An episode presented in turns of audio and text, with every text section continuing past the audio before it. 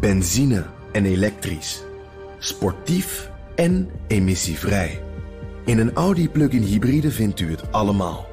Ervaar de A6, Q5, Q7 en Q8 standaard met quattro vierwielaandrijving.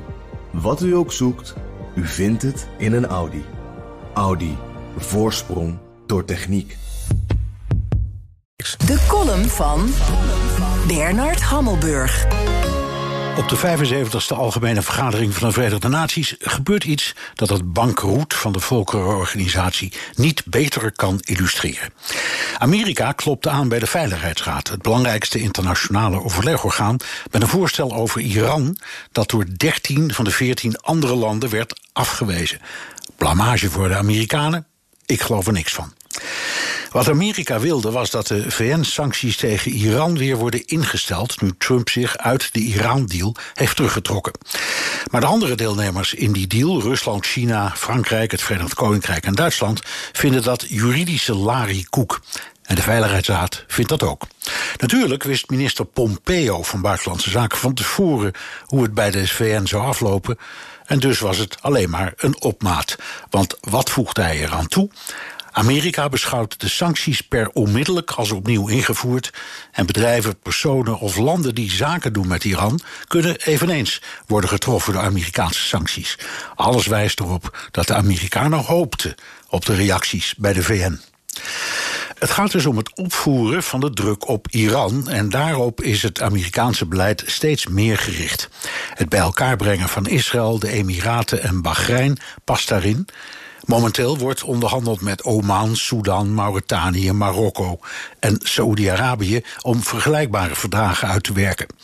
Dat kan best nog even duren, maar er is in feite al een grote coalitie van golfstaten en Afrikaans-Arabische landen, Israël en de Verenigde Staten, die zich zien als de geallieerden in de strijd tegen de as Iran, Libanon, Syrië. Sinds Donald Trump uit de Iran-deal stapte, heeft hij onder vuur gelegen van Europa, Rusland en China. Die van mening blijven dat je de moela's uiteindelijk aan je kunt binden door in dialoog te blijven.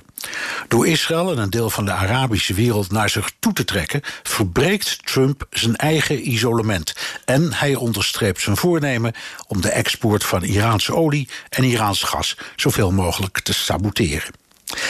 Door die strategie voor te leggen aan de Veiligheidsraad en dus aan de Verenigde Naties, in de wetenschap dat er alleen hoongelach zou klinken, maakt Trump zijn tweede punt. Hij draait het hoongelach om. Hij vindt dat de Iran-appeasers door het nieuwe Amerikaanse sanctieregime en de nieuwe regionale coalitie volledig in zijn val zijn getrapt.